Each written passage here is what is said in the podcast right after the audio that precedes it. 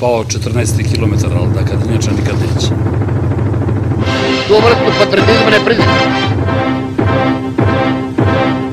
Дето бил Ван Морис. Кадон да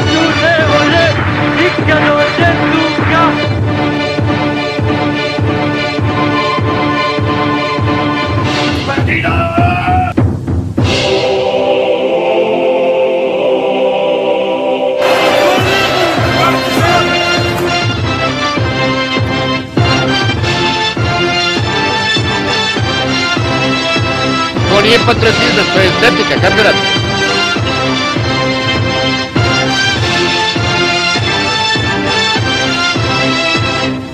I nikad neće. Dobar dan, dobrodošli. Ovo je peti Historical Hysterical, u specijalni serijal podcasta koji snimamo u susret Partizanovom 75. rođendanu. Kroz ovaj serijal se trudimo da arhivskim materijalom, anegdotama i autentičnim svedočenjima obradimo najvažnije nepoznate i neke nepravedno zaposlenine priče iz istorije futbolskog kluba Partizan. I ovoga puta e, vaši domaćini su Aca iz Gro sa bloga Crno-Bela nostalgija, glavni koautori, ako mogu da kažem tako, istorijskog almanaha Partizan Historical. Dobrodošli, momci. Dobar dan, dobar dan, bolje vas našli. našli. Da. Kako izražavate koronu i vrućinu? Uf, ne znam šta bi rekao, jebi ga, išao bi sutra, u stvari krenuo bi s prekstra za Kruževac, ali neću moći izgled. A da. Svakako nema publike, ja mislim, tako? Ma nema, pa to ti Da, kažem, da, da ima, da. da ima publike, išao bi u tom pravcu sigurno, a ovo nemam pojma ni kad ćemo se družiti uživo, ni, ni šta dalje, jebi ga, ali ajde, da ne mračimo, jel? Da mi dobijemo u Kruševicu pa u Novom pazaru, pa lako ćemo se mi vratiti na stadion. jebi. Ove, Ajde sad da se vratimo u 60. da probamo tako da se rashodimo, mada ove, ovo je epoha u kojoj je bilo dosta, dosta žestoko. Deo istorije Partizana kom, kom razgovaramo u ovoj epizodi je obrađen u desetom broju sveske uh, Partizan Historical. U prethodnoj emisiji smo uh, pričali o prvom Partizanovom trilingu titula i prvom trilingu titula uopšte u, u bivšoj državi, o profesionalizaciji futbala u bivšoj Jugoslaviji, o, o procvatu Partizanovih beba i o ekipi koja je nosila neformalni nadimak e, Beogradski Santos. Ovo je sve bio uvod u, u priču o najvećem međunarodnom uspehu našeg kluba i dugo, znači gotovo 20 i, i nešto godina, najvećem uspehu istočnoevropskog futbola, klubskog, e, na, na međunarodnom planu. Jel imate neke, ovaj, neke opšte utiske ili komentare kada je, kada je u pitanju š- sezona 64-65, to je sezona ovaj, na kojoj smo se zaustavili u prethodnoj emisiji. Pre svega bih se zahvalio svima koji su pogledali, poslušali u stvari prošlu uh, epizodu i hvala svima na onim lepim komentarima. Evo javio se čovek koji je istoričar, eto, to je onako baš komentar koji sam posebno upamtio. Što se tiče 64. 5. to je praktično šesta titula prvaka i na osnovu nje je Partizan igra u tom čuvenom kupu šampiona u kojem će doći do finala. Evo ja ću samo kratak uvod da dam zgro neka nastavi. A, Promene u, odnosu na prethodnu ekipu su bile te da je 64. 5. Vasović se vratio iz Zvezde, već smo to pomenuli prošli put. A, U suprotnom smeru je otišao u Zvezdu, je otišao Zvezdan Čebinac. Logično. Zvezdan Zvezdan. Ćurković, Ćurković je došao iz Veloža, Rašović iz budućnosti. Oni su prethodno bili gosti e, Partizana na turneji u Meksiku i kad se završila ta prethodna sezona potpisali su za Partizan. Osim Čebinca, klub je napustio Dragoslav Jovanović, e, kao igrači koji su bili već na zalasku domaće karijere, tražili su inostrani angažman kao Aleksandar Jončić, e, Anton Rudinski, Milorad Milutinović, a klub su napustili, klub je napustio i e, Dragomir Slišković koji je otišao u Hajduk. Liga je ove sezone imala 15 klubova, tako što je e, Vardar administrativnom odlukom ostavljen u prvoj ligi usled zemljotresa u Skoplju, pa je tadašnji futbolski savez smatrao da eto, oni su bili na neki način oštećeni e, zbog u, manje uslova u odnosu na ostale ekipe usled te tragedije, tako da je Liga imala 15 klubova.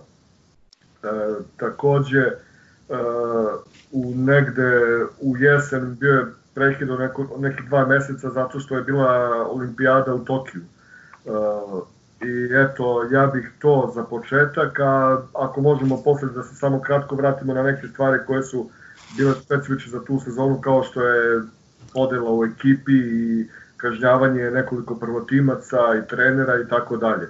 Ali eto, ovaj, neka zgrosa nastavi.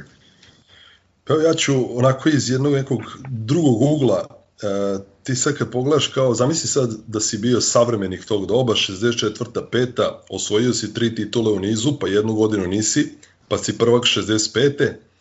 I onda skontaš da od 49. do 76. u 27 godina ti ćeš imati samo te četiri titule. Znaš, malo je, malo je scary, jebi.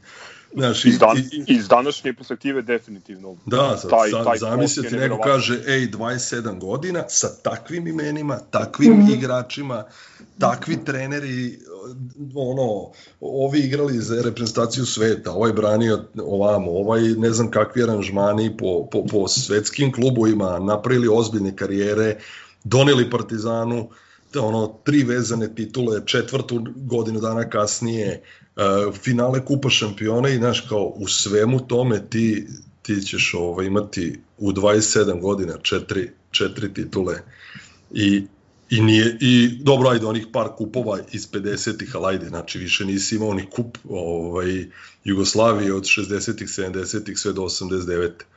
Ovaj, tako da mi je, kad god se uvatim 60-ih, kao ono s ponosom pričaš o, o toj generaciji Partizanovih beba, o velikom uspehu koju su napravili najvećem uspehu kluba do sada, ali ti uvek neki taj onako ukus gorčine što si ostao nekako nedovršenog posla, što kad si trebao da, da, da potvrdiš svu tu svoju superiornost iz domaćeg prvenstva, što to nisi ovaj uradio ovaj i u Evropi, Znaš, sve, sve je nekako delovalo, sad mi deluje iz, iz, iz ove perspektive, kao da, znaš, kao svi, a, boš misli, kao, nismo osvojili sada, do godine ćemo ili, ej, nismo mi bili prvi, ali bit će prvi, ne znam, ono, Dinamo, Zvezda ili Hajduk, pa bit će za kao, da se to nije toliko ni vodilo računa, mislim, možda grešim, ali, ali mi nekako sve deluje kao da li je moguće da si imao sve u svojim rukama i da si uspeo da šta god si mogao da uprskaš, ti si nekako uprskao. 60. same su specifične i po tome što je to period u kojima si ti kao važiš za ono u, u top 4 tima u Evropi, a, a redovno gubiš večiti derbi. I moment kada Zvezda pravi razliku ovaj, u svoju korist u pobedama u večitom derbiju, to su upravo te 60. Znaš, kao ti uzimaš titulu, ali njih ne pobeđuješ, bilo je čak da gubiš i oba susreta, ovaj, evo te 64. pete, prvi smo igrali nerešeno kad su oni bili domaćini, drugi na JNA u martu ovaj, 65. godine smo izgubili 2-1, ja sad ono, ne znam na pamet, ali kao to i koliko smo imali poraza te sezone, onaj bezvezni poraz u Sarajevu i nešto pred kraju u Mostaru, ali si kao superiorno osvojio titulu uz poraz u derbiju, razumeš? Tako da mi je te 60 što kažeš, ono, u, u tri ujutro te neko probudi, mora da se zna sastav tima na pamet i sve, svi ti veliki igrači i ogroman uspeh koji su napravili, a ili isto tako nekako mi je gorak, u, u, nekako ukus ostaje da nisi odradio posao do kraja. Ne znam, eto, to mi je malo onako i to će za uvek da bude tako, nema tu sad da se nešto promeni i ko zna zašto je to tako i bilo i da li je moralo ili nije moralo, ali definitivno 64. petu mi smo osvojili titulu posle godinu dana pauze, osvojio si onako lagano, uh, tu je bila ona kao zanimljiva prijateljska utakmica protiv Milana koju smo odigrali na našem stadionu i pobedili Milan 1. novembra 64. sa 5-3. Zbog grube igre gostiju, ne znam, opšte tuča na terenu je izbila između igrača dva tima, utrčali navijači, tu se više nije znalo koliko ga udara, intervenisala vojska, policija. Futbalski savez Jugoslavije odlučuje da kazni, odnosno da suspenduje stadion Partizana zbog loše organizacije međunarodne prijateljske utakmice i ti onda kao dve utakmice igraš kao domaćin protiv ekipa Zagreba i Ovka Beograda u Kragujevcu i Novom Sadu.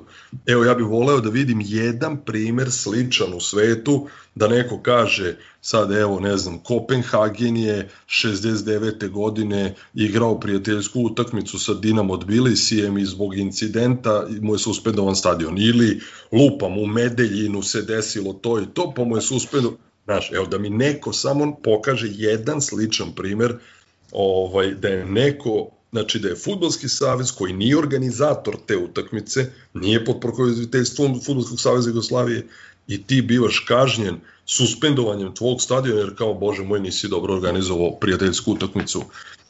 E, to mi je onako, znaš, kao utisak, utisak te sezone u kojoj si onako osvojio titulu, izgubio si derbi u martu 65. 2-1, taj derbi ostaje zabeležen i po najvećoj poseti na stadionu JNA verovatno ikada.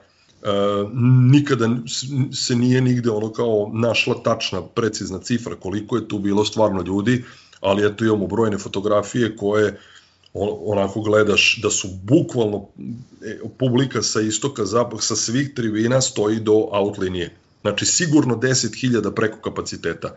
Da je, ne znam, na severnoj tribini i deo istočne tribine pala ograda, da su ono, od, od pritiska mase, da su ne znam, ono, pola sata je bilo i prekida i svega i ukazivala se pomoć i iznosili ljude ono, bez daha u nesvesti, ovaj, po nekim, kao 60-65 iljada, kažu da je bilo i više, ali eto, to je kao zvanično najveća poseta na stadionu Partizana ikad.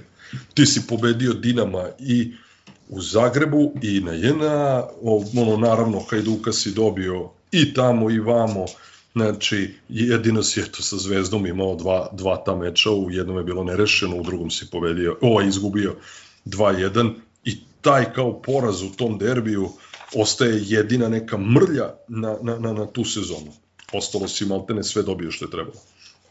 Da, ovaj, ono što bih do, mogu da dodam samo na, na, na sve ovo, na ovaj vrlo, vrlo precizan opis je da vrlo smo suvereno osvojili šampionat sa 8 bodova više od Sarajeva i, i Komšija. Uh, u tom finišu uh, Partizan je ušao jedan sjajan ritam i u, u 12 utakmice čak uh, 11 puta pobedio. Uh, Tako je. Našao sam neke interesantne, uh, da kažem, novinarske analize i, i opise tog šampionata, zaključke, na primer, jedan novinar je zaključio da je Partizanova titula došla kao rezultat triumfa jake klupe, odnosno da je Partizan te sezone nešto što mu je možda 50-ih hvalilo ovaj, uz, naravno, uz, jedinstvo u, u klubu, imao igrače i na re, među rezervama na koje je moglo ozbiljno da se računa, mada su i ovde najbolj, najveći deo posla izneli na svojim leđima Galić, e, Hasanagić i, i Kovačević. Galić postigo 15 golova, e, Muja i, i, i poslovođa po 14. Takođe, e, ovde ove sezone je uh, Zazo Bečejac postao jedan od da kažemo igrača koji se koji se koji se nametnuo i afirmisao, a uh, AC je pomenuo uh, ta neka prebiranja i polarizaciju unutar kluba, sukobe među dve, hajde uslovno rečeno, generalske struje ili frakcije, što je za svoj, za jednu od posledica imalo i to da su Marko Valok i tehniko Mile Kos u jednom delu sezone vodili, vodili struku, takozvanu, što je isto ove, interesantno, posebno imajući u vidu ono što smo sve pominjali o, o Miletu Kosu u prošloj epizodi, i činjenicu da njega ljudi pre svega znaju kao ovaj, što bi rekli doajena, odnosno novinara i, i nekoga ko je bio uh, vrlo uspešan urednik Partizanovog vesnika. Ja bih se ubacio samo zgro, ja smo juče utvrdili da Mile Ko samo nije cepao kape na ulazu na stadion. Mislim, sve čovjek živo radi Partizan. Ali to nismo utvrdili, to Ali ne znamo. To je sigurno. To, to ne znamo. Nije isključeno. Možda je, Možda da, je Cepo kad... Nije isključeno da će Paja redar sa zapada da kaže e, Cepo Mile Kos kako nije, znaš, tako da da Naravno, nije ni to isključeno. Da. Išto negativnu kontekstu čovek je bio legenda Partizana, iako nije bio futbaler njegov. A samo bi se kratko ubacio da ilustrujem ovu dominaciju Partizana u ovom prvenstvu. Dule rekao da je, smo uzeli prvo mesto suvereno sa 8 bodova prednosti ispred Sarajeva. Mi smo praktično u prvom delu sezone od trećeg kola imali seriju šest uzastopnih pobjeda. Prvi poraz smo doživjeli tek u pretposlednjem kolu jeseni od Sarajeva. E sad zanimljivo je zgro, ti si rekao da smo e, bili dve utakmice kažnjeni e, i da smo kao domaćin igrali protiv OFK Beograda u Novom Sadu 3-3. Inače zanimljiva slika, to smo postavili na sajt e, ovih dana, da oba tima praktično igraju u belim dresovima, Partizan sa dve crne štrafte, a Beograd sa nekim svetlo plavim, vrlo slična oprema, ali eto, to tada nije bio problem. E, rekao bih da je ta e, druga utakmica bila protiv e, Zagreba u Kragujevcu i to je prvi prvoligaški meč u istoriji Kragujevca kao grada. Znači nije ga igrao Radnički, lokalni, nego Partizan. 3-1 je bilo za Partizan.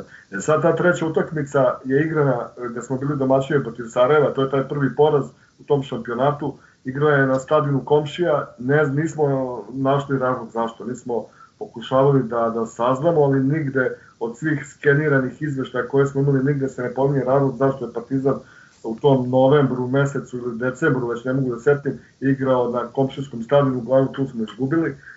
I eto, ovaj, možda jedna trivija da je e, tu u toj sezoni, početkom sezone Šoškić otišao u armiju, a e, da je ovaj, dve, o, dan posle te utakmice poslednje kada je branio za Partizan protiv Veloža, e, e, igrao je za rukometni klub Partizan i dao je dva gola protiv Rabotničkog.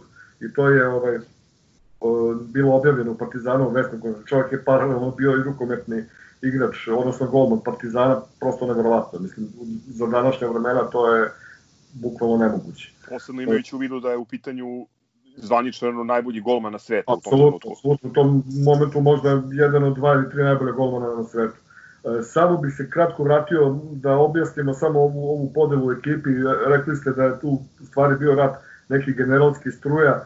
Na jednoj strani general Nenezić, e, e, na drugoj strani general Ilija Radaković i tu je ovaj uprava kluba je pred put u Skoplje kaznila Vislavskog, ja mislim ovog Bečejca uh, i trenera Tanackovića, tu su bile neke ovaj tako već uobičajena, neka uobičajena objašnjenja, narušavanje jedinstva u ekipi i tako to, taj neki birokratske rečnike, onda kada su krenuli u na Skoplje, kada su Jusuf i Ljubav Mihajlović videli da nema njihovih drugova, pitali su zašto ih nema, niko nije dao neki valjan odgovor, tako da su i oni ovaj tu ovaj nisu hteli da se pridruže ekipi Tako da otprilike u toj, da kažemo, struji bili su Vislavski, Bečejac, Galić, Ljubav Mihajlović, Jusuf i mislim sam Bolas, možda sam nekoga preskočio. Na drugoj strani su bili e, Kovačević i Vasović. E, bilo je naravno i neutralnih igrača. Šoškić je u to vreme već bio u vojci. Uglavnom, e, Mile Kos je vodio ekipu na tih zadnjih nekoliko utakmica. Partizan je uspeo e, da izvuče dva remija u Skoplju u Nikšiću i tu su igrali neki igrači koji su bili praktično prirodati e, iz drugog tima kao Grebenarević, Miodrag Petrović, ne Mikan Petrović, nego drugi stariji malo Petrović, e, Dimitrije Davidović koji će kasnije imati zapaženu ulogu i tako uglavnom Partizan, Partizan je uspeo da bude neporažen na te dve posle utakmice jeseni, e, a u proleće Marko Valok e, preuzeo ekipu. Dodao bih samo da je Partizan te godine u kupu prošao isto neslavno. Pošto Standardno, standardno Da, da, bi. mislim, pre, prethodne godine nas je Dinamo osramotio sa 7-2, što je najveći poraz u domaćim takmičenjima i opet je Dinamo bio koban i te sezone ovaj, pobedio nas je sa 3-0 u osmini finala. Mi smo prethodno dobili železničar iz Niša sa 1-0, a ovde nas je Dinamo opet izbacio dve godine za stopce i eto, ispademo iz kupa, ali eto, za utehu omladinci su osvojili kup Jugoslavije i to je, to je generacija koja stupa na scenu. E, tu su Bora Đorđević i Paunović kao perjanice i najbolji igrači te, e, te ovaj, generacije. E, Samo da se još jednom osvrnem na ovu podelu ekipi, e, tada je kao rezultat svega toga bile su priče da je navodno i vrh e, armije, pa čak i Tito, da su odlučili da moraju da maknu te generale od, od futbola i partizana, jer su eto zaratili zbog futbola, tako da jedan general od ove dvojice bio prekomandovan u Sloveniju, drugi ovaj, u Makedoniju i prvi put u februaru 65. predsednik kluba postaje civilno lice Vlada Dujić. Mislim, nije se proslavio, to će reći rezultati posle.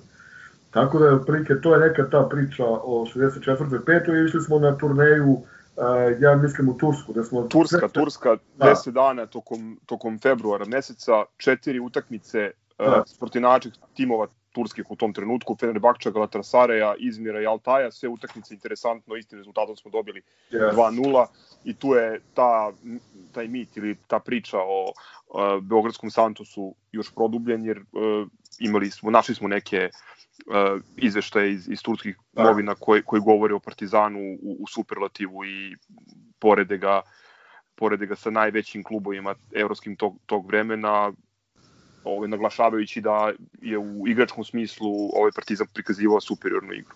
Pomenuo si veliki kadar ekipe i dugu klupu, te godine su 24 e, igrača igralo u prvenstvu za Partizan, što eto govori u prilog tome. Dakle, mislim da je to otprilike to, jedino ako ima zgro još neku pikanteriju iz te Pa sezone. ništa, eto, ti si rekao da je Šoškić otišao, znači Šoškić je imao samo četiri, četiri nastupa ovaj, prvenstveno u tom ovaj, šampionatu.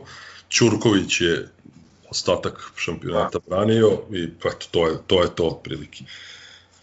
Ništa, možemo da pređemo na veliku e, sezonu 65-66. Zgro je govorio o tom e, često kontradiktornom svetlu u kome se Partizan prikazivao, e, gde ovaj, nekada je igra bila izuzetna, igrači su bili Uh, imali su visoku reputaciju i vrednost, ali to nisu pratili rezultati. Uh, ova sezona možda najbolje pokazuje tu neku dikotomiju ovaj, koja je prisutna u Partizanovoj istoriji, gde je lice te sezone nešto što, što svi pamtimo, na što smo svi izuzetno po, ponosni, to je e,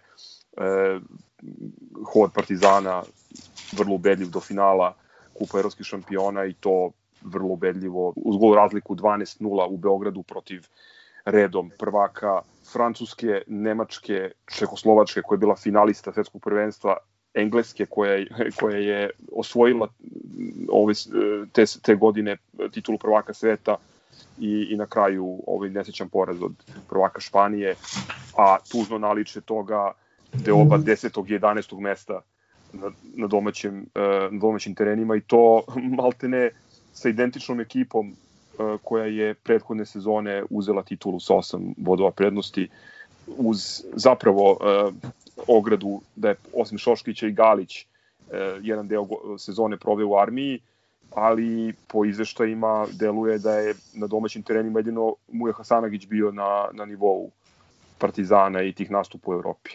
Pa znaš šta, ja ću samo kratko, neki moj utisak je ovaj, za tu celu nesretnu 65. 6. ili možda kao veličanstvenu ovaj 65. 6. Uh, da su sve otprilike snage bile ono skoncentrisane na taj kup šampiona i da je i, i, i ono stručni štab i, i igrače boleo ćošak za, za domaće prvenstvo, pa vrate, onda si morao da ga osvojiš. Ali okej, okay, nisi ga osvojio, jer meni je neverovatno, ono ti gledaš, uh, ti si izbacio Nanta, Uh, utakmice su igrane 22.9. i 13.10. a umeđu vremenu si u prvenstvu uh, odigrao, ne znam, nerešeno sa Beogradskim radničkim, nerešeno sa Dinamom i izgubio od Vojvodine. Znači uzo si dva boda u tri kola, a ovamo si izbacio Nant.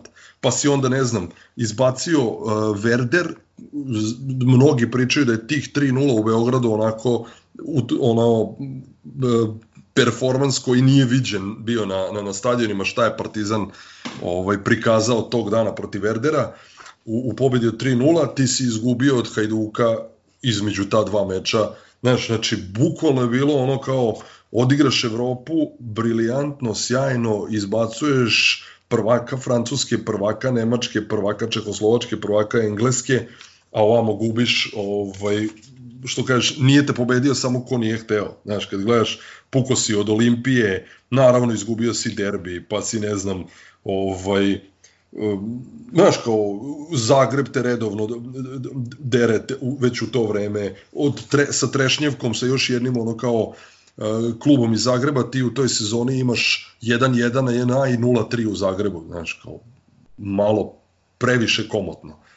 Ovaj, tako da je ceo utisak bio taj, ako si krenuo da osvojiš kup šampiona, onda ga osvoji, pa, bu, pa ispadni iz lige. Znaš, ovako si niti si ispo iz lige, niti si osvojio kup šampiona, jebi.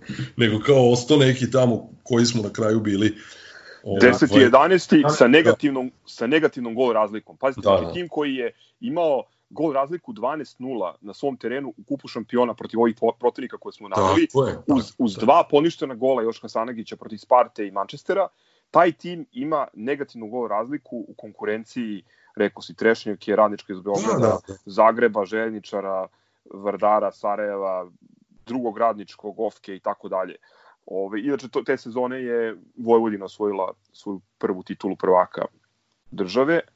I, Mi u poslednjih, mi, izvini samo, mi Da, da, da, u, pos, u poslednjih devet kola, znači od momenta kad si se plasirao u, u finale Kupa šampiona i izgubio tu utakmicu, ti si 9. aprila dobio Dinamo iz Zagreba na JNA 2-0 i tu si još uvek bio negde blizu vrha, tebe od tada, od tog nekog 16. aprila do 18. juna, znači puna dva meseca, devet kola, ti nemaš ni jednu pobedu. Znači, izgubio si u Novom Sadu, kući od Veleža, u Sarajevu protiv Želje, e, poražen si na JNA od Ofka Beograda, od Zvezde, na JNA od Olimpije, igro nerešeno sa Vardarom, e, Hajdukom i Radničkim iz Niša. Znači, u devet kola tri boda, otprilike tako, znaš. Hoćete da vam dam još dva bizarna protivnika koji su nas dobili, ovaj, to sam iskopao negde. A, znači, radi se o prijateljskim utakmicama koje smo mi igrali te sezone, tokom, tokom same sezone. Aha. E, izgubili smo u oktobru od e, reprezentacije grada Kraljeva 4-1 u Kraljevu, a u, pazite ovo sad, e, u novembru smo izgubili od nečega što se zove Famos u Hrasnici. A čuveni drugoligaš. Čuveni Da. Famos, kako ne, fa, Famos mi je smo- ve, veće, ime od garnizona Kraljeva, nemoj. Famos je dobio ekipu koja je, znači neposredno pre toga igrala sa Verderom, za koji kažu svi da je bio daleko od e, Mače Kašlja i neke neozbiljne ekipe. Čak kažu da je taj, taj revanš Partizanov bio jedna onako prilično herojska utakmica iz, iz niza razloga, mislim, među ostalog i zbog vremenskih prilika i, i, i tako dalje. Da, Nije uopšte to, nije to što je bio lagan prolaz, kako, kako možda deluje sada. E, a moguće, jesi video možda ko je dao golove za Famos tada, ovaj, moguće da smo tu kaparisali Hošića, je veli. Upravo, upravo to, Da? sam mislio i ja, da, da. Nisam Ho, baš to tako- Hošić, Hošić je došao iz Famosa kod nas. Da, i otvorio kafanu u Beogradu. Eto, dobiješ, dobiješ Manchester e, 2-0, uz jedan poništen gol izgubiš od Famosa u Hrasnici. Ali ja bi, ja bi rekao nešto što će, što će baciti e, malo jače svetlo na tu sezonu i zašto smo mi bili 11. E, meni izgleda sa ove distance da je sve u toj sezoni bilo stihijski. Da u stvari igrači i ceo klub je shvatio da Partizan može daleko da dogura tek kad su eliminisali Spartu. I sad zanimljivo je da je Partizan na proleće ovaj, u toj sezoni u kojoj Vojvodina bilo šampion i sad stvarno bez ikakvog podcenjivanja bilo koje ekipe, ali činjenica je da su Vojvodina, Sarajevo, Željezničar bili prvaci u onim sezonama kada Partizan, Zvezda, Dinamo, Hajduk nisu baš bili e, na vrhuncu svojih moći. Znači svaka čast naravno Vojvodini za tu sezonu, ali hoću reći Partizan je pored tako šarenog bilansa u, u prvom delu i e, posle na proleće, e, pobedom nad Dinamom on je, de, on je delio drugo mesto. Znači, I bio je u, u vrlo otvorenoj trci za prvaka. E onda što je Zgro rekao, u posljednjih e, devet kola, Devet, Partizan, devet kola. 2, 3, 4, 5, 6, 7, pardon, 8 kola, Partizan u 16 mogućih osvoja 3 boda. I tu se Partizan strovalio na 11. mesto, znači Partizan se tu nije borio za opstanak, ali je jednostavno pao je sa te druge pozicije na 11. mesto i e, i primetno je kada smo radili statistiku tih e, utakmica u drugom delu proleća, da su praktično od tog momenta kada Partizan igra sa Spartom, e, šansu dobijali ti mladići, tadašnji Bora Đorđević, Paunović, Miloš Vidović, e, znači e, praktično sve su snage bile bačene na kup šampiona koji na kraju nije ni osvojen. E, tako da, eto, to je neki, neko logično objašnjenje zašto je ekipa završila na 11. mestu. Trener, trener te sezone bio Abdullah Gegić. Sada, mislim, on je, svi kažu da je čovjek bio vrhunski stručnjak, ali jednostavno nije bio autoritet za te igrače. Mislim, neka je javna tajna da su ti igrači daleko prevazišli klub.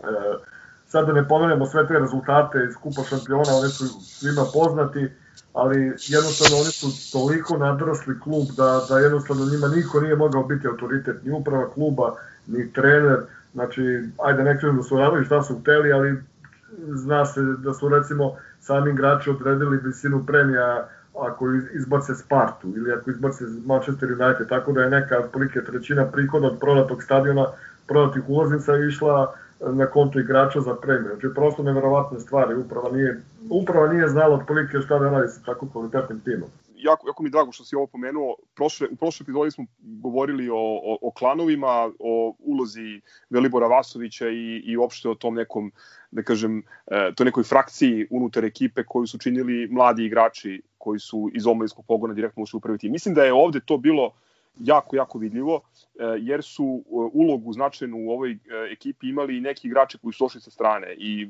mislim, ima sa tu jako puno priča, svedočenja, sećanja iz tog vremena gde, gde se negde između redova može videti da je postojala u ekipi, da kažem, određena podela na te, na te dve ajde kažem, grupe, uslovno rečeno, igrača. Drugo, taj voluntarizam koji je postojao kod nekih naših futbolera u kombinaciji sa ranim danima profesionalizma uh, koji je ušao u, u domaći futbal. Znamo isto priču, to je negde isto opšte mesto o, o, o tome kako je Adidas ušao uslovno rečeno u stočionicu i kako je uh, sa nekim minimalnim ulaganjima ili, ili premijama uspeo da da prosto uh, zavrbuju određene naše futbolere da nosu njihovu sportsku opremu. Uh, takođe, način na koji se putovalo na utakmice, posebno, mislim, Brisel je tu naj, da kažem, tragičniji primer, gde je malte ne svako išao gde i kako je hteo na tu utakmicu kao, kao, kao na izlet. Izvini, samo još jednu stvar hoću da kažem, koja mislim da je, da je, da je dosta važna, ovaj, e, pošto to sad kad kažeš Sparta iz Praga, možda mlađim nekim slušalcima to ne deluje toliko bitno. Ja sam pomenuo u uvodu da je e, Čekoslovačka e, na svetskom prvenstvu 62. bila finalista. E, taj čuveni Andrej Kvašnjak, koji je ovaj, bio najbolji strelac Sparte e, koji je dao Partizanu u, u prvoj utakmici e, u, u Pragu e, tri gola. Taj čovek je jedan od najboljih čekoslovačkih futbalera svih vremena. I prosto, mislim, ne mogu da nađem zgodnu paralelu ili, ili zgodno poređenje sa današnjim vremenom. to je zaista bio neverovatan uspeh. Posebno vratiti se nakon 4-1 u Pragu i takvu ekipu jednu, znači iz zemlje koja je u tom trenutku uh, prvaka, e, vice šampiona sveta, e, rastaviti ih na delove sa 5-0. I odatle je ona čuvena, e, čuvena pesma ovaj, ide mu je sa, sa pašnjaka, on je bolji od kvašnjaka. Znači to je taj Andrej Kvašnjak i tu je ona čuvena naslovna strana Partizanovog vesnika. Idemo dalje. Ovaj, za koju ima da. jedna eh, anegdota eh, koju mi je ispričao lično tadašnji glavni odgovorni urednik eh, gospodin, e, odnosno pukovnik Ljubomir Šaranović, e, da je taj, e, ta naslovna strana zapravo puštena u, u, u štampu pre nego što smo mi odigrali utakmicu, što je ove, u strane rukovodstva kluba ove, smatrano za ove, ne samo za jeres, nego za jednu neozbiljnost, nepoštovanje protivnika, verovatno narušavanje tekovina tadašnjeg da, da. porekla i, ta, i tako dalje. I čak urednik je ozbiljne kritike, da ne kažem ribanje je primio, da bi ta E, to izdanje Vesnika bilo rasprodato u rekordnom roku. E, ponovo jedno poređenje koje zvuči potpuno neverovatno posmatrajući iz današnje perspektive. Te 66. godine je Partizan, ne, duše u, u decembru mesecu, obeležio stoti broj e, izlaženja našeg partizanovog vesnika. U tom trenutku zvanični tiraž vesnika je bio 50.000 primjeraka. E, Partiz, Partizanov vesnik je imao e, veći broj pretplatnika u Srbiji od partijskog glasila, to je bio dnevni list borba što je, a, mislim, zamislite 50.000 primjeraka službenog glasila jednog štampanog glasila jednog futbolskog kluba. To, je, to su neverovatne brojke. Mislim, za, za, za ovo vreme potpuno nerealno. Ja ne znam koliko dnevnih listova danas ima 50.000 prodatih primjeraka. Nema svi da se saberu pa imaju 50.000 možda. Eto, to govori o tome koliko je Partizan bio veliki klub u tom trenutku, pre svega igrački, jer slažem se sa, sa, sa Zgrovom, a i ja to sa tvojom ocenom da e, organizacijono prosto nismo bili spremni za tako veliki uspeh i, i za sve što, što je taj uspeh sa sobom nosio. Jednostavno, klub nije bio spreman da e, kvalitet koji postoji na terenu na neki način valorizuje kroz um, evropske trofeje. To je moje mišljenje. Vidiš, ja, ja, mi smo svi često razmišljali o tome, iako nismo bili rođeni u to doba, ali eto naši očevi e, stričevi, ujaci su gledali tu generaciju i često se mi svi vraćamo, pokušavamo da u našim glavama onako rekonstruišemo kako je to bilo i naravno da je svima nama žao što Partizan tad nije postao prvak Evrope, ali evo ja bih rekao da prosto čak mi je drago što nisam bio rođen i što nisam uživo gledao tu generaciju, ja verujem da bi svi mi vatreni partizanovci, ja ne znam, da, da, da smo u situaciji tako nešto preživimo, ja mislim da bi 100% nas obolelo na neki rok, duže ili kraće ili mentalno ili fizički, neko bi se oporavio, neko ne bi, verovatno, ali prosto možda je bolje što se to desilo onda kad nismo bili rođeni. E, ono, ono što je neverovatno, to smo možda pomenuli da je Partizan jedna od tri ekipe iz sa istoka Evrope koja igrala finale Kupa šampiona. Bio je prvi iz istočne Evrope koji igrao finale Kupa šampiona. Mnogo kasnije to su uspeli s EU-a dva puta i Crvena zvezda. I sada neverovatan podatak da je e, Partizan jedini tim koji je igrajući finale od ta tri istočna evropska kluba dao gol u finalu, a jedini ga nije osvojio. I e, Partizan je jedini klub u istoriji Kupa šampiona koji je poveo u drugom poluvremenu i uspeo e, to finale da izgubi. Znači, prosto neverovatno. Ja bih rekao da je ceo klub, naravno na čelu sa upravom, znači, a uprava posebno, ja ne znam, znači oni trebalo je samo ništa da ne urade loše, kao, znaš, kao u vicu, ono, na hrani prasići, ne diraj dugmiće, znači samo da nisu ništa Partizan bi to osvojio, znači sigurno. Ali ovo to prosto, to je toliko štetnih poteza bilo, toliko neke aljkavosti, nebrige, e, prosto i sada meni i kad e, to pogledam i kad shvatim da je ta generacija daleko nadrasla klub, i realno Partizan je bio slabiji klub od Manchester Uniteda u tom momentu, ali eto uspeo da ga pobedi imao je sreću u Beogradu, ja onda nekad eto sebe kao da utešim kažem čekaj, pa oni su postigli možda i više nego što su trebali u Evropi, nego što je trebalo te sezone, ali naravno kad ti dođeš u finali i kad izgubiš na taj način, mislim to je stvarno tuga, mislim da ajde kad izgubiš naletiš na nekog superiornog rivala, uh, i znaš da si slabiji za tri razlike i kažeš ok, to je to, jebi ga, ne možeš bolje, ali ovo je prosto tip mislim, vidi se tu nepoštovanje taktike i svega, tada nije bilo zamene igrača. I otprilike ti bivši Asuri su rekli da su neki igrači igrali zato što su morali. Galić koji je tek došao iz vojske, Kovačević koji je bio pod nekom valja temperaturom, navodno, ali eto, pogledajte akciju kod izjednačenja Reala, gde, gde posle kornera Partizana praktično svi kreću napad da daju gol i oni bukvalno iz kornera koji mi izvodimo iz kontre nam daju gol, mislim, ono čuveno Vasović, evo da ne pričamo sada, gospodin Gentleman koji nije faulirao, ali dobro, to je to šta je bilo i jednostavno... Strašno, strašno, mislim, evo sad kad pričaš ono, ponovo, ponovo proživljavam traume, iako eto, naravno nisam bio rođen, nego, nego pam, mislim, znam za taj period iz, iz ono, istorijih izvora i, i priča oca i njegovih prijatelja a, i rođaka. Tu su još dve stvari, samo koje sam teo, sad si me ti podsjetio, Aco, uh, Muja Hasanagić je te godine uh, postigao, dao gol svakom našem protivniku osim Realu u finalu, znači najmanje jedan gol je dao protiv svakog rivala.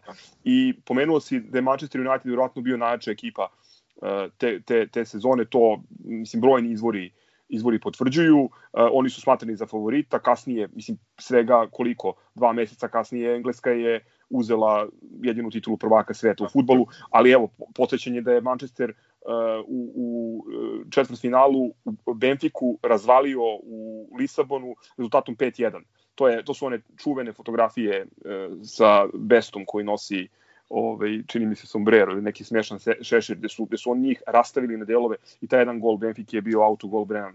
Ovaj, prosto neverovatno kad se pogleda spisak protivnika protiv koji je Partizan igrao te sezone, e, e, rezultate koje je ostvario treći put, ponavljam, 12-0 gol razlika u Beogradu uz dva poništena gola protiv prvaka Francuske, Nemačke, Čekoslovačke, Engleske.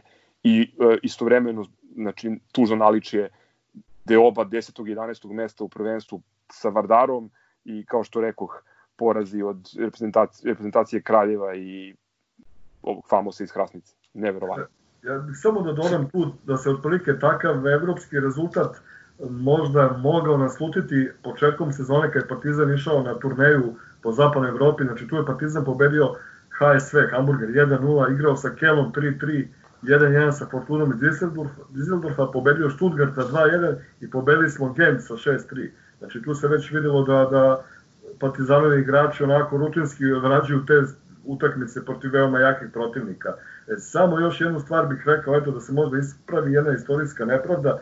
kada se priča o finalu Kupa šampiona koji je igrao Partizan i uopšte o tom Partizanovom uh, uzletu uh, i ulasku u finale Kupa šampiona, uh, mislim da je red da, uh, da se zna da, da je tu 17 igrača praktično igralo uh, u Kupu šampiona i stalno se ovaj uh, zanemaruju ti neki igrači koji su uh, koji su bili deo ekipe, a svi pamte onih 11 uh, sa Heysela. E, tako da ja mislim da je red je ne bi bez te šestorice dodatne ne, ne bi bilo tog finala, mislim. Tako da evo ja ću pokušati sada da evo na, na, na brzinu da ovaj uh, evociram samo uspomene da napravim svih tih 17 igrača koji su igrali kupu šampiona. Uh, neki od njih sticam okolnosti nisu igrali uh, u finalu kao na primjer Miladinović koji je dobio ovaj crveni karton uh, na, na Old Traffordu. Tako je, u revanšu na Old Traffordu. E, tako da ovaj, tu ekipu su sačinjavali evo ovako, znači svih 17 igrača koji su igrali za Partizan uh, u kupu šampiona, znači golmani Šoškić i Ćurković, zatim Jusufi, Ljubo Mihajlović, Bečejac, uh, Velibor Vasović, Branko Rašović, Jovan Miladinović, Milan Damjanović, onda Mani Bajić, Vladica Kovačević, Milan Vukilić, Milan Galić, Mustafa Hasanagić, Josip Pirmer, Joakim Vislavski i Dimitrije Davidović. Trenerim je bio Abdullah Gergić. Eto, to je to, toj sezoni i o toj generaciji, da, uvek se naježimo na pomen te generacije i falio nam je samo jedan mali korak, ali eto, bilo je kako je bilo i možemo kasnije da se nadovežemo ovaj, kak, da je u stvari još veći brodolom nastao posle toga, ali ovaj, Samo bih rekao, mi smo iz Gruje to lepo skenirali sporta, ima bio jedan sjajan, e, sjajan e, Fentum sport u 67. godine, ja mislim kako i zašto se raspao Partizan posle finala Kupa šampiona, sve to postoji na blogu Crna-Bela nostalgija i to možete tamo da vidite kakve su to neverovatne stvari, kako je, kako je to bila anarhija i amaterizam u klubu.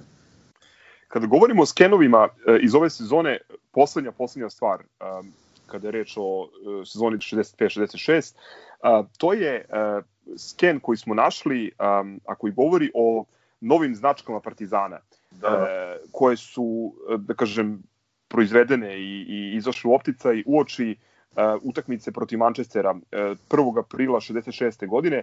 To je prvi put da se kao uh, neka forma uh, klubskog emblema pojavljuje ova popularna lopata. Uh, I to znači, u Partizanovom vesniku broj 88 od 1. aprila 66. E, se pojavila informacija da je uprava e, Jugoslovenskog sportskog društva uoči, polufinalne utakmice Cash protiv Manchester Uniteda izradila nove, nove značke.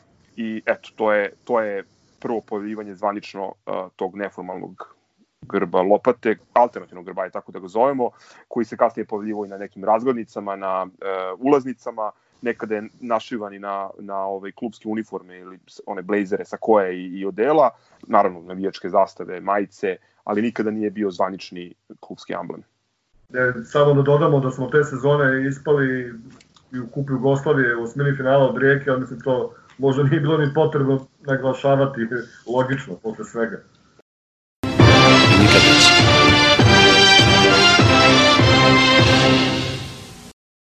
Da, bila ovo priča o naj, ne možemo kažem najuspešnijoj, ali uh, najznačajnijoj sezoni u istoriji istoriji našeg kluba, neki bi rekli uh, najveći uspeh i najveći neuspeh istovremeno Partizana. Uh, dogovorili smo se da, pošto uh, posle Hejsela nastaje jedan kako Kača reče, ovaj raspad ili potpuna anarhija. Dogovorili smo se da, da taj deo, drugi deo 60. godina kondenzujemo u priču, odnosno da ne, ne, ne ulazimo u, u previše detalja, jer postoji jedna stvar koja je zadnječki menilac za sezone koje su sledile, to je da u njima nažalost nije bilo nikakvog značajnijeg uspeha kluba. Nažalost, zbog te kratkovidosti tadašnjih rukovodećih struktura kluba, generacija sa Hesela je rasporata bez ikakvog plana. Tog leta 66. Partizan napuštaju Jusufi, Galić, Šoškić, Kovačević, Vasović, praktično polovina tima koja je, koji je izneo ove finale u, u Briselu. Uh, takođe... Tako je Zoran Jovan Mladinović i on isto. tako je. Uh, takođe, ovaj, uskoro je usledio i, i transfer uh, Radoslava Zazebe Čejica, reprezentativca i standardnog halfa Partizana u Ljubljansku olimpiju, što je bila senzacija prve klase u to, to vreme, jer taj transfer je porušio sve rekorde uh, u jugoslovenskom futbolu i izazvao uh, da kažem, veliki skandal. O tome smo uh, razgovarali upravo sa, sa gospodinom Zazom uh, u, uh, ako se ne varam, drugoj epizodi našeg specijala Sevenkarine, tako da možete da poslušate ponovo i da čujete direktno od, od čoveka kako je to sve, kako to sve izgledalo. Partizan je dobio obeštećenje od 45 miliona dinara, što je, radili smo neke konverzije i proračunu u današnji novac, to je i dalje najveći transfer u, u istoriji futbolskog kluba Olimpija. Eto, to je, mislim, do velikih promena je došlo, Aca je pomenuo takođe neke mlade igrače koji su kucali na, na, na, na vrata prvog tima, kao što su Bora Đorđević, Paunović, Radaković, bilo ih je još, međutim u ovom periodu pored njih izostali su veliki transferi. I Partizan se više uh, opredeljivao za neafirmisane i manje poznati igrače iz, iz, iz nekih manjih sredina. Uh, Zgro je pomenuo ide za Hošića iz, iz Famosa, koji je, iako je došao iz, eto, iz Hrasnice, bio najboljih igrača u našem timu, najstandardnijih, zatim tu je i, i čuveni Ilija Katić, uh, koji je došao iz drugoligaša uh, Slavonije, se tad zvao se, čini mi se, ovaj, kasnije je postao jedan od naj ovaj, prepoznatljivijih naših igrača i, i legenda švajcarskog futbola. Um, ja ću za, za ovaj uvod da, da pomenem još, još jednu stvar uh, koja, koja meni onako uh, bode oči kada se, kada se posmatra ovaj period drug, druge polovine 60. godina. Um, iako su rezultati izostali, uh, velika podrška publike nije izostala, tako da je te sezone 66-67, iako Partizan realno ovaj, igrao sa mnogo slabijim timom, na kraju bio treći za Sarajeve Dinama, imao čak 20.267 e, navijača u proseku na, na stadionu INA, što je neverovatan, neverovatan broj. Zgro će kasnije reći uh, malo više o početcima navijačkog organizovanja, o formiranju klubova navijača širom bivše države i, i tako dalje. Aco, izvoli. A evo, ja bih samo da se ne dođem za Real e, Madrid, mi imamo kao nacija kao navijači Partizana imamo taj običaj da, da o nekoj uh, utakmici koja se nesrećno završila damo neka, ne znam, mitološka svojstva, kao recimo Art Melija Petržovka, pa kao, ej, da smo tad prošli, ili kao Real, ej, da nisu rasprodali tim, ili ovo, ono. E, prosto ja ne verujem da jedna utakmica odlučuje e, budućnost kluba u toj meri. Pokazalo se da Real jeste bio, ta utakmica je to izgubila finale, ali realno da je klub bio stabilan, da je, da je imao neku zdravu viziju i politiku, ne bi oni raspravili sve igrače, tako da mislim Real je bio samo povod, uzorci su bili u nedostatku bilo kakve vizije u klubu. E, tako da, ovaj, eto, da nastupio slušam period i e, imali smo u tom periodu dva polufinala Kupa Jugoslavije. E, 66. 7. smo izgubili od e, e, tadašnjeg šampiona te sezone Sarajeva, 0-1 u polufinalu Kupa, a nešto kasnije, ovaj, 68. 9. izgubili smo o, isto polufinale i to opet od Dinama, znači treći put za 5 godina. Ono što je zanimljivo kad, sam, kad smo gledali ove izveštaje iz Partizanovog vesnika, pogotovo te 69. i, i taj značaj koji je dat polufinalu kupa protiv Dinama, to je, to je bilo najbolje, uh, najbolja ilustracija kako je Partizan bio u kanalu tih sezona, zato što se E, tom e, meču protiv Dinama polufinale kupa e, dala tolika pažnja kao da je polufinale ono protiv Manchester Uniteda. Verovatno zato što je ceo klub bio gledan bilo kakvog trofeja, bilo kakvog uspeha i nadali su, nadali su se svi da će preko Dinama Partizan otići u finale, ali eto, ni to nije uspeo, poražen je posle izvođenja Danesteraca. Od igrača, ti si pomenuo Katića, ja bih pomenuo još i Svemira Đorđića koji je došao iz Vojvodine, a u suprotnom smeru 68. otišao legendarni Josip Pirmer, a 69. u Partizan dolazi dolazi Nenad Bjeković i Partizan daje pet igrača svojih proleteru za Nenada Bjekovića, što na pozemicu, što za stalno. E, I ovaj, eto, koliko Partizan je igrao čisto, da kažemo, u tom momentu, potvrđuje činjenica da je Partizan 70. 69. 70. izgubio u kupu od proletera kojem je Partizan dao pet igrača, da je najbolji igrač proletera bio Partizanov golman Marković, koji je odbranio tri penala. a da je odlučujući gol uh, i prolazak proleteru doneo Olarević, isto igrač Partizana. Milan Vukilić stvarno je izlizala ona fraza vojnik Partizana, on je stvarno to bio igrao 11 godina. Ja mislim da samo nije bio golman, igrao na svim mogućim pozicijama u ekipi. Eto, čovjek koga stvarno treba pomenuti je od velikana futbolskog kluba Partizan. Kao treneri se tom periodu smenjuju Bobek, uh, Bobek, Vilotić, Simonovski, čak se, što bi rekao Đorđe Čvarko, Vilotić i Simonovski se u dve sezone kuplugu, znači jedan menja drugog. I ovaj, da pomenemo Mocu Vukotića koji prvi svoj prvenstveni gol daje protiv Rijeke u sezoni 68-69, a neverovatna je činjenica da je kad se vratio iz Bordeaux u Partizan 11 godina kasnije, on je isto svoj prvi gol dao protiv Rijeke i oba meča rezultat je bio 2-0 za Partizan, eto, neverovatno sad. Tako da što kaže Zgro, nema tu nešto puno da se priča, dosta sumorne godine, uh, Hasanengić odlazi u Švarcarsku 69. Uh, 69. Treba reći recimo da 69. 70. Partizan bio poteran na raznim malerima, povrede igrača, žutica Bore Đorđevića, odlazak Mihajlovića u vojsku, uh, tako da stvarno nekad se nije moglo protiv više sile i nekih stvari koje su se urotile protiv... A, ali te, izvini, ali te sezone smo bili najbliži osvajanju titule, osvojili smo drugo mesto, ovaj, međutim te sezone smo imali čak 12 nerešenih utakmica i našao sam neverovatan podatak e, što se tiče tih malera koje si, koje si pomenuo, čak 12 različitih futbalera je igralo u napadu Partizana. A na koju sezonu misliš? 69-70. Ne, ne, ne, ja bih izvinio što ti ispravio, ja bih rekao da smo 67. 8. bili najbliži tituli. Mi smo 69. 70. smo se zahvaljujući odličnom finišu probali na drugo mesto, ali realno nismo figurirali kao prvaci. Ali 67. 8. to je ona čuvena utakmica Partizan Zvezda 2-2 kad je Bora Đorđević predviglo sedam njihovih igrača i dao gol, tada smo bili blizu titule i u sledećem kolu čak igramo sa Hedukom i držimo i dalje prvo mesto.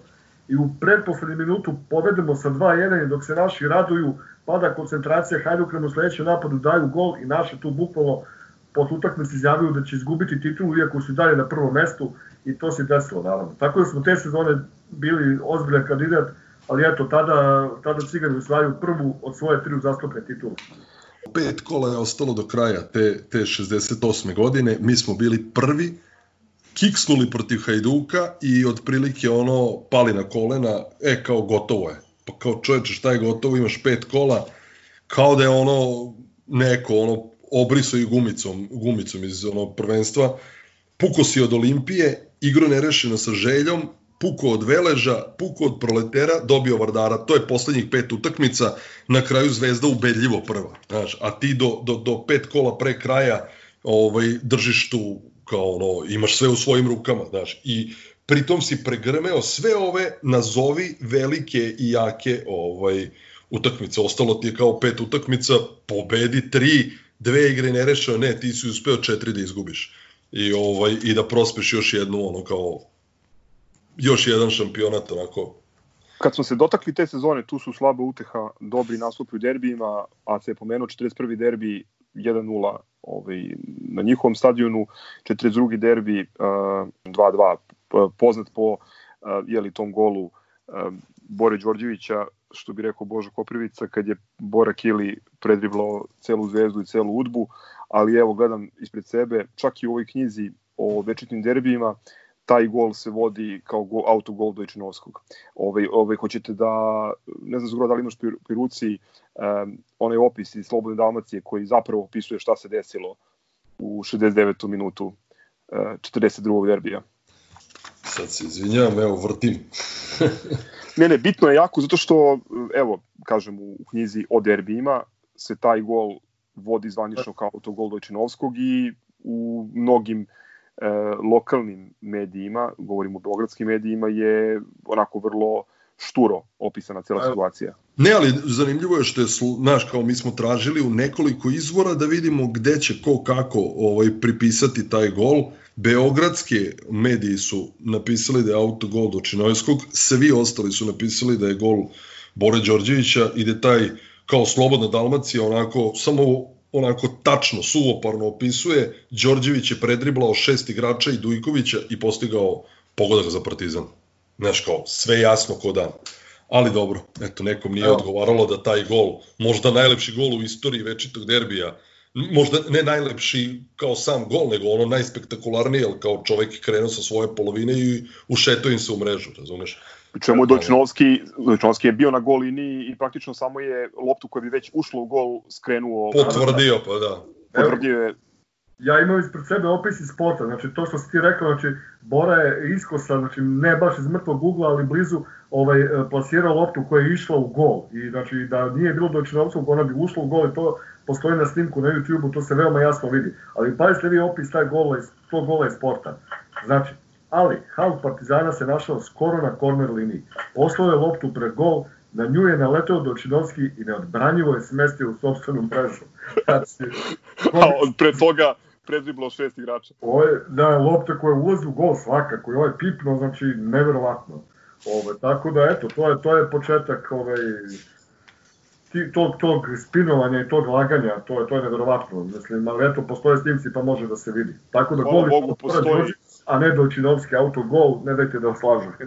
Da, ne, ne verujte ovaj tome što piše u, u knjizi o, o večitom derbiju. Hvala Bogu postoji televizijski snimak TV Beograda, odnosno današnjeg RTS-a, koji ovo čemu pričamo potvrđuje, pa ćemo da stavimo kao ovaj link ka, ka tom snimku. Nadam se da neće, da neće da ga unište i da ga obrišu.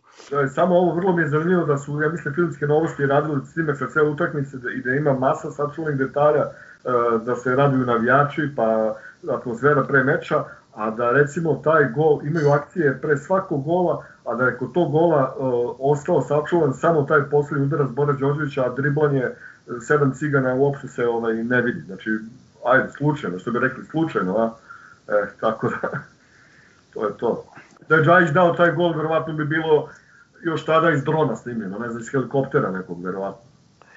U ovom periodu posle Brisela nije bilo nekih velikih uspeha na međunarodnoj sceni, ali uh, period druge polovine 60-ih su obeležila dva nastupa u kupu sanskih gradova, 67. i 69. godine i um, jedan značajan uh, da kažem, međunarodni turnir prijateljski koji smo igrali, to je Pentagonal u, u Meksiku, na kome je Partizan učestvovao uh, 70. godine. Hoćemo li vrlo kratko o kupu sanskih gradova, možda u ovoj prvoj sezoni, pošto smo tu uh, izbacili lokomotivu iz Plovdiva i zatim ispali od lica koji je kasnije osvojio, uh, osvojio trofej, a lic je ponovo da, da ljudima, pri, mlađim slušalcima približimo, novi premier liga, što tako, u tom trenutku u nastajanju najmoćnija ekipa futbolska na ostrovu. Da, da, Zgro, ćeš ti?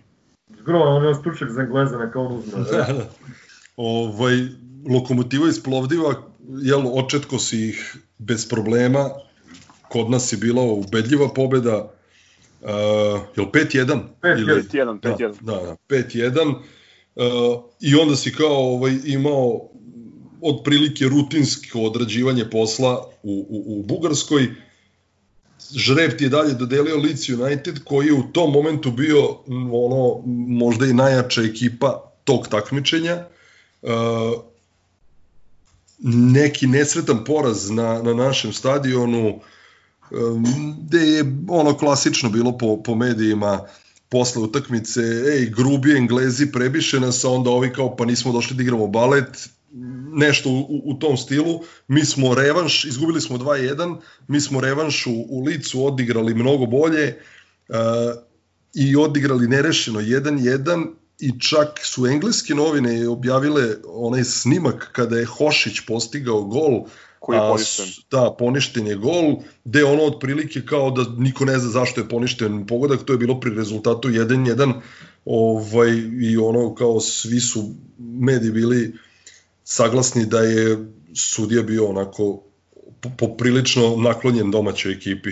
Ok, eto kao nisi se obrukao, nisi ne znam šta, ali možda si mogao da izbaciš i tada kao moćni ladies, što bi rekli kladioničari, ovaj, nekada davno kad se prvi put pojavile ovaj liste sa, sa imenima engleskih ekipa ispisani u originalu, znaš, kao L, E, E, D, S, to se čitalo kao ladies. Inače, Ladies je u, u tom periodu pod vodstvom Donalda, odnosno Dona Revija, uzeo dve titule prvaka Engleske, uzeo je FA Cup, uzeo je jedan Liga Cup, uzeo je Charity Shield, znači zaista jedna izuzetno, izuzetno moćna ekipa. Neki video snimci, vrlo redki, postoje ovaj, iz ovog perioda. potrudit ćemo se da ih, da ih stavimo uz, uz uh, snimak ove emisije. Da, praktično ta ekipa Lica je bila okosnica ekipe koja je 75-6 igrala finale Kupa šampiona. Eto, oni su poput nas izgubili finale, ovaj, ušli su finale izgubili su. Hoćemo ovaj, za kraj uh, malo i o Pentagonalu. To je još jedan egzotičan trofej koji je Partizan doneo ovaj, i koji ima trenutno u svojoj trofejnoj sali. Pentagonal uh, igran 70. godine u Mexico City-u. U Pentagonalu su učestvovali Spartak iz Trnave, Guadalajara, reprezentacija Meksika koji je bio učesnik uh, mundijala, Botafogo i Partizan. Da. Tako je. Mi smo uh, s Trnavom odigrali 1-1, pobedili Guadalajaru 2-1 nerešeno sa Meksikancima i pobedili Botafogo sa igračem manje 1-0 ponovo, mislim, jedan neverovatan rezultat imajući u vidu ovaj, ko su ti ljudi, ne znam sa čim bi uporedio danas. Um, ono što možda najviše govori, najslikovitije govori o, o, ovaj, o tome koliko je to bio veliki uspeh je da uh, našli smo da je u Mexico City jedna ulica nazvana po Partizanu nakon ovog turnira. Nakon ovog turnira. Ne znam da li dalje postoji. Ovaj, ja mislim možda... da postoji, skoro sam je tražio na Google, na mapama, postoji i Meksikanci su svaki klub koji je osvojio taj pentagonal dobio je svoju ulicu i mislim da su sve te ulice u jednom kvartu. Ovaj, ne deluje baš reprezentativno taj kvart, ali nema veze, onako deluje kao neko radničko naselje, ali ekstra stvar, sjajna stvar. I hvala što su dali ulici ime po Partizanu. To je, mislim, jedinstven slučaj. Znači, nijedan klub odavde nema svoju ulicu u svetu. A e, Meksiko, ja bih samo rekao da, da eto to je, kad smo gledali one slike, stvarno možda najlepši set slika je iz Meksika. Evo kad bi meni neko rekao, ajde bire, gde ćeš da ideš na neku destinaciju da je Partizan boravio, ja bih rekao, vodite me u Meksiko. Znači, one su... Ne, kao, kao Beatlesi, ona fotografija Ludimo. kada, kada Bora predvodi yes. drugare, ovaj, onaj niz palmi, neki yes, široki bulevar, ono deluje bukvalno kao ovaj, reklama za, eto, da, da, da. Pa za neki slika, rock band da ona slika gde se cela ekipa slika sa tim ogromnim trofejom uh, ispod uh, aviona KLM-a koji putuje nazad. Neverovatno, stvarno. Tu, tu je ovaj, ona čuvena slika nastala uh, gde smo mi ovaj, pomno iščitavajući izveštaj sa utakmica pred utakmicu Partizan, Spartak, Trnava, oba tima su izašla u belim dresovima, onda nastala panika, ne mogu tako da počnu utakmicu i onda je Partizan pozajmio od neke tu lokalne domaće ekipe zelene dresove i to je ona slika koju je naš drug Nikola obojio i ona je bila na onoj čuvenoj aukciji uh, u, u ovom parobradu pre dve godine. Uh, dakle, tu je nastala ta, ta fotografija, znači Partizan jednom u istoriji uh, prinudo nosio iz zelene dresove. Ali u polovremenu pisalo u politici uh, Boba Mihajlović je otišao, znači ono, prilike 100 na sat do hotela i doneo garnituru crno-belih dresova, tako da je Partizan u svojim bojama u drugom polovremenu to je to s tog turnira, ne znam šta bih još rekao. Samo bi ja zaključak sa turnira da je ovaj, ono kao naslovna strana sporta piše hiljadu navijača na dočeku Partizana, da, da je Partizan bio dočekan ovaj, po povratku sa, sa odsvojenim peharom kao da si usvojio kup šampiona otprilike, ono prepun aerodrom, uh, evo, pročitaću kratak, kra, kratak, on Antra Filajčić, kaže Jatova karavela još nije bilo ni dodirnula pisto Surčitskog aerodroma, a iz pristanišne zgrade razlegli su se poklici crno-beli, crno-beli. Bila je to erupcija preko hiljadu ljubitelja futbola koji su još od 15 časova čekali futbalere Partizana.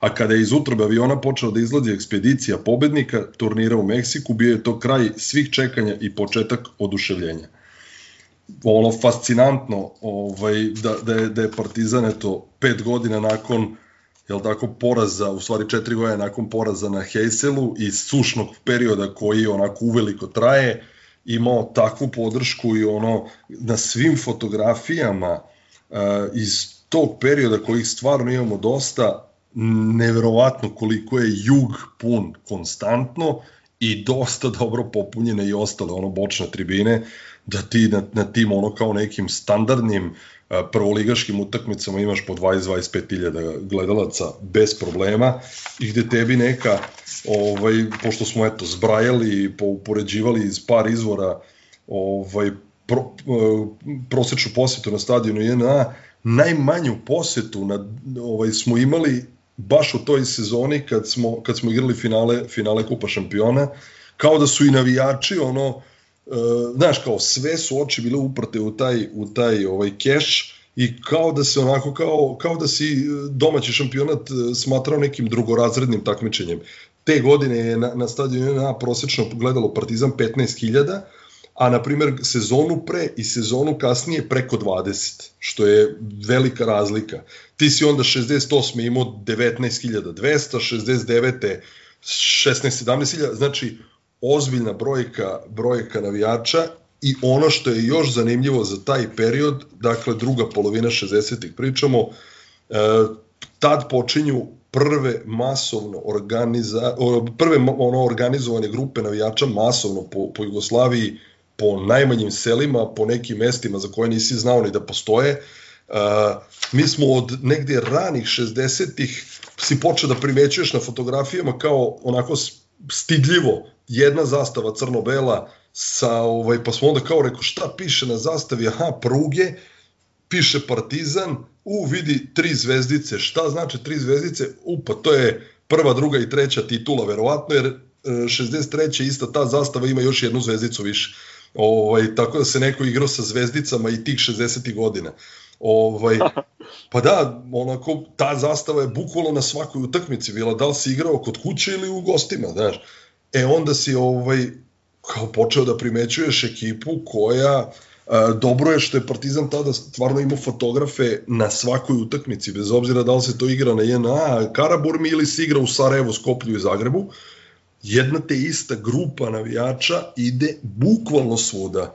To su oni majstori što su nosili ovaj transparente posvećene uh, Muji Hasanegiću, tako je, Muji Spenceru, ne znam, Ljubo, jel Beckenbauera, Ljubo Mihajlovića poredili, da. ne znam šta još, ovaj, da si ti ovaj bukvalno znaš kao Split svako gostovanje u Splitu 60-ih ti si imao crno-bele zastave koje se viore na plinari u Zagrebu, u Skoplju, u Sarajevu, gde god da se okreneš. Od Bro, 68. Izvini, izvini ili imaš, ili imaš pri, ruči, pri Rusi možda onaj isečak iz uh, Vesnika gde uh, novinar Vesnik razgovara upravo sa tim momcima. Čini mi se posle gostovanja u Nišu, gde oni to pričaju o tome kako se organizuju, kako putuju na gostovanja vozom Da, da, da, da, da, da, da, tu su ih čak ovaj, imenovali te ljude da, da, da. Ovaj, po imenima i onda ne znam, evo, pročitaću taj kratak isečak, kaže uvek smo tu i nikada ne spuštamo naše zastave, makar Partizan igrao loše i gubio utakmicu. Putovali smo u Niš vozom, mašinovođa nam je tražio da mu posudimo zastavu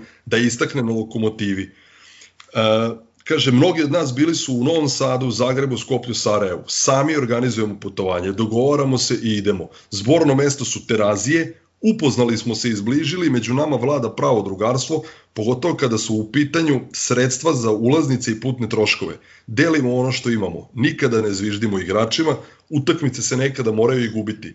Najviše nas ljuti nesportsko ponašanje futbolera i pogrešne ili neobjektivne odluke, odluke sudija i da ne čitamo dalje. Ali to je bio moment kada je i u Partizanovom vesniku pokrenut e, kao re, e, rubrika Ćoše Juga, gde se redovno E, pisalo o e, momentima iz ono kao znatan prostor davao navijačima Partizana, e, redovno su donošeni izveštaji sa osnivačkih skupština iz raznih mesta, ne znam, februarski broj iz 68. donosi opširan izveštaj iz, ovaj, sa skupštine iz Beograda, e, gde, su, gde se navodi da je u brojnim drugim mestima već formiran klub navijača Partizana pre nego što je to bilo u Beogradu, jer opet Beograd je ono ogroman grad i mnogo je teže bilo ovaj organizovati jednu takvu ovaj tu, tu osnivačku skupštinu u, u, u Beogradu.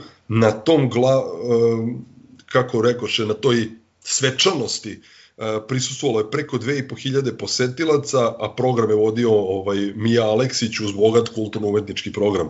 I da sad ne čitamo uh, dalje, da, da ne ređemo uh, gradove gde, šta, kako, ali bukvalno gde god je Partizan igrao, nekako se organizovalo da dan pre ili dan posle se organizuje i zvanično osniva klub navijača Partizana. To je sve, znači, druga polovina 60-ih, od 68. masovno. Ja bih tu dodao da je paradoksalno da u tom periodu koji je možda najlošiji u istoriji Partizana, znači ni lošijeg perioda, ni veće podrške navijača i praktično su navijači u tim momentima kada je klub bio možda sa nešto većom disciplinom unutar e, samog igračkog kolektiva, ali organizaciono i, i na sportskom polju je lutao i bio zaista u, u nekom drugom planu, da je tada najveća snaga, da su tada najveća snaga Partizana bili njegovi navijači i oni su praktično i održali klub e, i tu vatru koja je gorila, gorila tih godina uprkos lošim rezultatima. Se, samo bih rekao da smo recimo mi na tim starim slikama našli i neke ljude danas dobro poznate partizanovcima e, kao tinejdžere u tom momentu koji i utrčavaju na teren i nose igrače posle pobede, kao što su na primjer Voja Radojević, e, ne dosadašnji urednik sajta Partizana ili Giga Zelenović. E, znamo ko je Giga Zelenović bio, osim što je bio vođen navijača Partizana, bio je istaknuti prvoligaški futbaler, igrao je opku Beogradu bukvalno nemam šta da dodam, uh, samo ću da kažem da će ljudima sada verovatno nakon ove priče biti jasnije zbog čega je Bogdan Tiranić napisao o navijačima Partizana iz tog perioda ono što je napisao. Sviraj ovo, kraj, brat.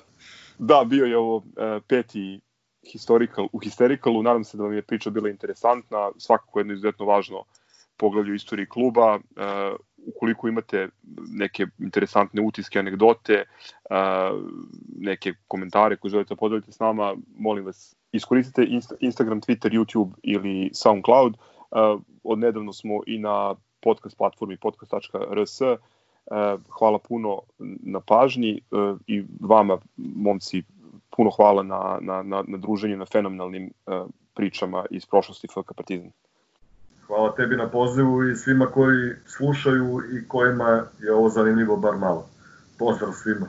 Pozdrav.